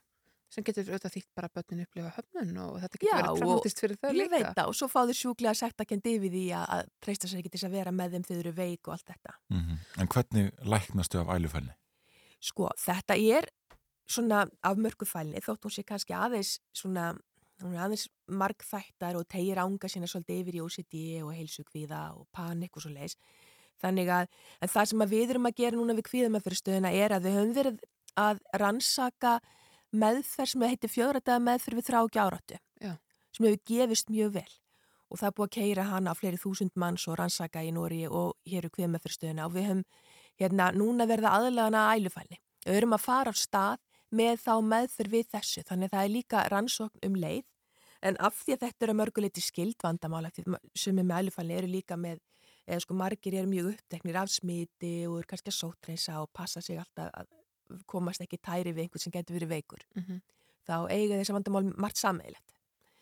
Og þá þessi fjóradag meðferð er þannig í rauninni að upphafi meðferð er veitt mikil fræðsla um vandan og svo bara kent fólk að tækla þetta fólk er kent að tækla þetta og svo eru bara æfingar út í gegn þanga til fólk nær tökum á sig. Mhm. Sko, er þetta ekkert mál? Það hljómar veginn svolítið eins og eitthvað töfralösn. Er ekkert mál að lækna fólk af hennum ýmsu fælnum og fóbjum? Sko, það er hvað auðveldast að lækna fælni. Já. Þannig að fólk veit ekki af því að það er hægt að lækna fælni jafnvel á tveimu tímum. Ælufælni tekur kannski aðeins, hún er svona aðeins snúnari, Já. en til dæmis kongulafælni og allt þetta, það er, það er að gera það mjög skömmum tíma. Og- Þannig að ef já. það er einhver staðar sem að sko sálfræð með fyrir eitthvað öflugust, sérstaklega huranatvillis með fyrir, að þá er það á sviði fælni. Já. Hver- Hvernig læknaru kongulóa fælni á tveimur tímum? Sko, þá, þá er ég að vera kongulær. Ég byrja Já. á því. Það er þannig? Já, það er þannig. Og svo bara smá nálgust væri hægt og bítandi þá bara, og fólk stýrið því sjálf þar sem við erum ekki að sko, setja kongular í hárun á fólki eða hári á fólki eða eitthvað svoleiðis heldur. Fólk stýrið það er hægt og bítandi þannig að eftir tvo-þrjá tíma þá fólk oftast fært um að setja þær í hárið á sér eða, eða eitthvað. Þannig að þetta snýst bókstaflega um að horfast í augu við óttan. Já. Bara, en ef eftir því sem fólk treystir sér til eftir því sem fólk treystir sér til Já. og eins og maður ælufælina þá gerum við þetta bara í skrefum sko, fólk þarf að læra svolítið hvernig hvíða við bara virkar Mhm. og um leið og þú veist það að þá getur lært að, að sko, að, hvað segja, vinna gegn því. En er ekki algengt að fólk sko lifi bara með fælinni sinni og ákveði bara, æ, ég veistu, ég ætla ekkert að gera í þessu, þetta er bara, það er ágætt að vera með eitthvað óta við eitthvað sem er svona tiltulla og þægilegt, hvað sem er. Jú, en ælufælni er bara svo hamlandi. Já. Að þú þart einhvern veginn, þú getur eiginlega, þú, og það er mjög algengt að fólk finni mikið fyrir ógleði. Mm. Þannig að af því að fólk er líka alltaf að fylgjast með einkennum frá meldingavegi og allt þetta, þá er fólk jafnvel undirlagt meira og minna af ógleði sem er ekkit úalega skemmtilegt. Það er bara reynilega kallar fram með einhvern veginn þau viðbröð bara í ykkur svona, svona placebo hugs, hugsunar áhrifum ykkur með eitthvað. Mögulega og sjálfur sér eru einkenni sem fólk finnur fyrir alveg raunveruleg Já. og hérna, jafnvel kvíða einkenni eitt af þeim er ógleði. Einmitt. Þannig að um, einkennin er raunveruleg en hins vegar er akkurat þetta hversu er það eins slæmt að æla fólk ímynda sér. Mhm. En það er mjög mikil að taka fram að, að því fólk eru oft trætt við að koma til meðferðar að, að í þessari meðferð þá stýri fólk ferðinni sjálft. Já. Þannig að við erum ekki að pína fólk til að gera eitthvað sem það treytir sér ekki til. Mm. Bara kannski rétt í lokin, eh, hver er að svona algengasta fælni Íslendinga? Við hvað eru við rættust? Ég held að allir það sé ekki bara fólk, annað fólk, álit annara. Já. Já, einhvers konar félagsfælni. Félagsfælni. Já. Já. Já, já, einmitt, og það, það, nú, Og það telst endur ekki til afmarkara fælni, það, það telst, hérna, það er unnveru annars konar hver, sko, en það er samt í rauninni mannskefna sem við erum hrætist við. Já, þá hlýtur að taka fleiri en tvo tíma að að laga félagsfælina. Það getur tekið svona tíu tíma. Þetta er magna, alveg ótrúlegt. Sálaðröf Davistóttir Sálfræðingur hjá Kvíðamöðferðarstöðinu, takk kærlega fyrir að segja ykkur frá ælufælni og já, hennum ymsu fóbíum. Já.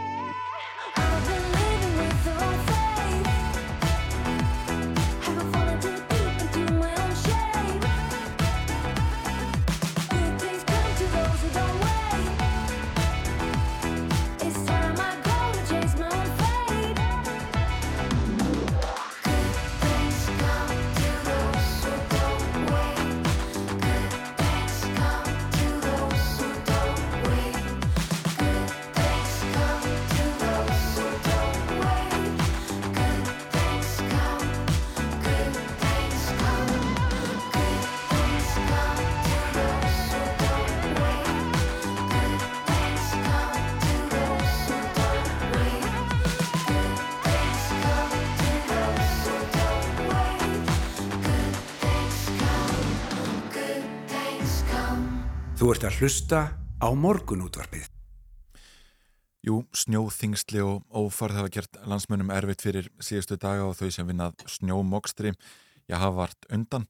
Hjalti Jóhannes Guðmundsson, skrifstofustjóri skipulags og umhverfisviðis Reykjavíkur borgari komininga til okkar, góðan daginn. Góðan daginn. Hvað séu, hvernig gengur að, að reynsa götur innan bæjar, eða hvernig gekk það bara núna í morgun? Við byrjum þar.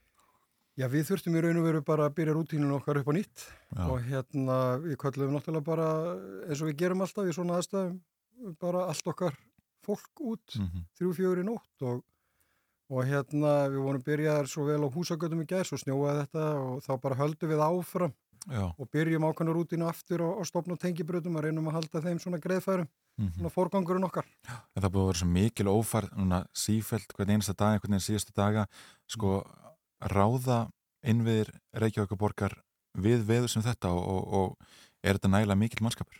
Já, já, við ráðum alveg við þetta, þetta bara tekur tíma, þú, sko, umfangið, eh, kannski ágættið fari bara pínlítið yfir umfangið Mhm. og uh, ég veit ekki hvað fólk er svona glatt yfir að heyra tölur í útvarpi en, en hérna við skulum láta að reyna. E, við þurfum að móka 1230 km vegakerfi af, sem sagt, rauðningsbreytin. Já.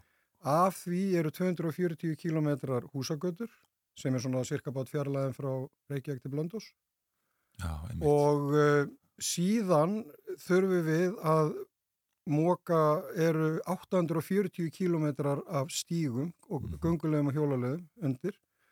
Og svona 70% af því er, er, er tekið í háum þjónustuflokki. Og uh, þetta er eitt sem við þurfum að reyna að halda þannig að atvinnulík við í raun og veru og fólk getur ferðast á milli á B en síðan er annað sem má ekki gleymast að hérna við erum með líkast til eitthvað um svona þúsund svæði og, og staði sem við þurfum líka að fara á. Já. og þá er ég að tala um uh, uh, millir 5 og 600 strætóstöðar sem við þurfum jafnvel einhverjar að handboka og salta, sanda ég er að tala um íþróttamannvirki uh, stopnana, þessast bílastæði fyrir fram að leik og grunnskóla sem eru eitthvað vel á annað hundrað uh, ég er að tala um, um íþróttamannvirki Mhm. Uh, nöðsynlega þjónustu, bráða þjónustu fyrir velferðasvið, þar sem fatlaðir einstaklingar búa. Alls konar sérverkefni er varðar stígastuppa, um, bílastæðasjóð og svo framvist. Þannig að þetta, þetta verkefni er, er gríðarlega stórt. Já, já.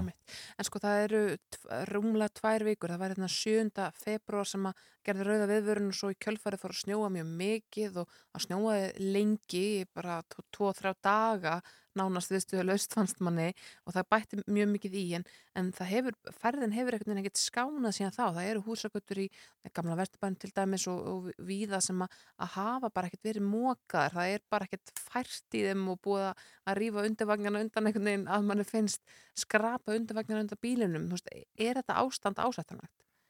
Sko, ég held að fólk verður bara að sína þessu smá bylund. Vissulega hafa húsagötuna sem eru í leggsta forganginum okkar. Við leggjum áherslu að halda stopn og tengibröðu strætulegan sem dæmi opnum.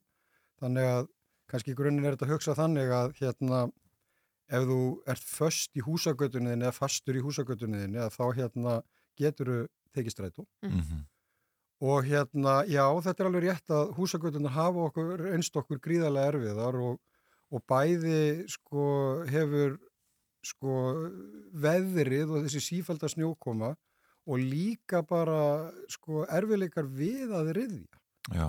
Bæði er þetta þungur og leiðilegu snjór, svona þannig séð, að tekur, þetta tekja alveg gríðarlega mikið á tækin okkar og, og verktakana og líka náttúrulega stundum bílar fyrir og við getum ekki hreinsað þetta almenlega og svo framins og svo náttúrulega þegar við erum svona farin að sjá fram úr fyrstu umferð, við höfum talandi það og við reyndar erum við að byrja núna einhverja þriðja fjóruðu umferð á, á húsagötum en svo, þe svo þegar við sjáum fram úr verkefninu þá bara byrjar aftur. Mm. Og þá þurfum við að byrja og það tekur ein umferð í öllu þessu umfangi sem ég var að tala um getur alveg tekið nokkra daga eðlilega. Mm.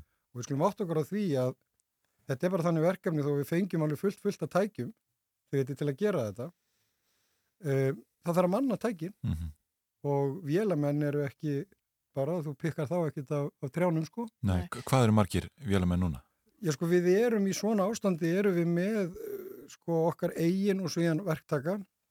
Geti ég trú að við værum með svona 50, já alveg örglega upp undir 60 tæki úti og uh, við erum ekkert einn, við erum á höfuborgarsæðinu, það er hér við hliðina er Kópavóður, Hafnafjörðum, Moselsbær sem þarf náttúrulega líka jafnvel að hafa aðgang að, að, að, að, tækjum að vera slíku. Þannig þannig að við erum bara að reyna en við, við skulum alveg hafa það í huga líka. Við erum, við erum vel skipulögð í þessu verkefni, við höfum ákveðna þjónustuhandbók, við förum mjög kathólst eftir henni, við höfum forgang og við sinnum ábendingum og ábendingarnar hafa náttúrulega verið sérstaklega því að tala um húsagötur hafa verið í hundraðavís En sko, en fó- fólk upplifir að það sé ekki búið að, að riðja frá til dæmis bara kringum leikskóla og grunnskóla. Ættu þeir ekki verið forgangi? Jú, þeir eru í fórgangi, þeir samkvæmt svona eðlilega ástand eiga þeir að vera búnir að við höfum að vera búin að riðja sem sagt hérna fyrir framann leik og grunnskóla, plönin fyrir framann leik og grunnskóla Já. Fyrir klokkan 8 á mótan, en svo bara þegar þetta er þetta ástand, þá bara tefst allt. Og í svona ástandi kláru við stundum ekkert fyrir kannski um hádegi sko, til dæmis að þú tala um leik og grunnskóla. Jafnvel bara í vinnudagslok sem sagt hérna það verkefni. Mm. En hvernig, hvernig það nú, sko, finnið þið fyrir miklum pyrring í ykkar garð þessa dagana? Já, já, ég get alveg skilið það. Auðvitað náttúrulega bara er, er alveg hægt að skilja það að fólk sé pyrrað og svona, en ég bara byðla til fólks að sína þessu smá skilning. Þetta er stort verkefni og við erum að reyna að hafa góða yfirsýn yfir það og beita okkar fórgangi, beita okkar tæki sem við höfum og mannskap sem við höfum aðgangað. Og uh, við einfallega bara erum á fullu og, og, og, og, og getum ekkert afkastað meira. En sko bara síðasta spurning rétt í lokin, getur verið að þessi forgangsraða bílum ofar gangandi vegfærandum? Nei, það er halv ófært á að mann, mann finnist bara flestum göngulegum Nei, og, og það er nákvæmlega sami og ég vil stífari á, gönguleg, á hjóla og göngulegum heldur en, heldur en götum. Já. Þannig að hérna, ég tek ekki undir það. Við erum, við erum að, að sinna stígun, stoppstígakerfunu, tengistígakerfunu alveg jafnvel og, og, og, og, og götunum. En það, það sem verður vantilega vitna til og fólk hefur kannski verið að kvarta talandi um hjól, að það eru þessi kantar sem myndast. Já. En við verðum að geta rutt stígin og það myndast kantar þegar snjóar, við skulum segja bara hálfum meter, það liggur í hlutarnis eðli að þegar við riður í gegnum það þá við ekki kantamyndununa. Kantamyndunum er síðan, hreinsunin er síðan annar fasi, þar að segja við þurfum þá að, að fara í að hreinsa þessa kanta. En ef við komumst ekki í það verkefni við þurfum að, vegna þess að við þurfum að fara að hreinsa aftur stígin, þá náttúrulega myndast ákveðið ákveðin höft í kringum hérna gatnamót og, og, og stígamót og, og annað slíkt. Nákvæmlega, Hjalti Jóhannes Guðmundsson, skrifstofustjóri Skipulags og umhverfisins Reykjavíkuborgar, þakkaði fyrir að komingað og, og ræða já, snjóþingslinu og ófærðina. Takk fyrir. Og við komumst ekki lengra í þættinum í dag. Við þökkum fyrir samfélgina og verðum hér aftur á morgun. Já, þið hulda. Takk fyrir í dag.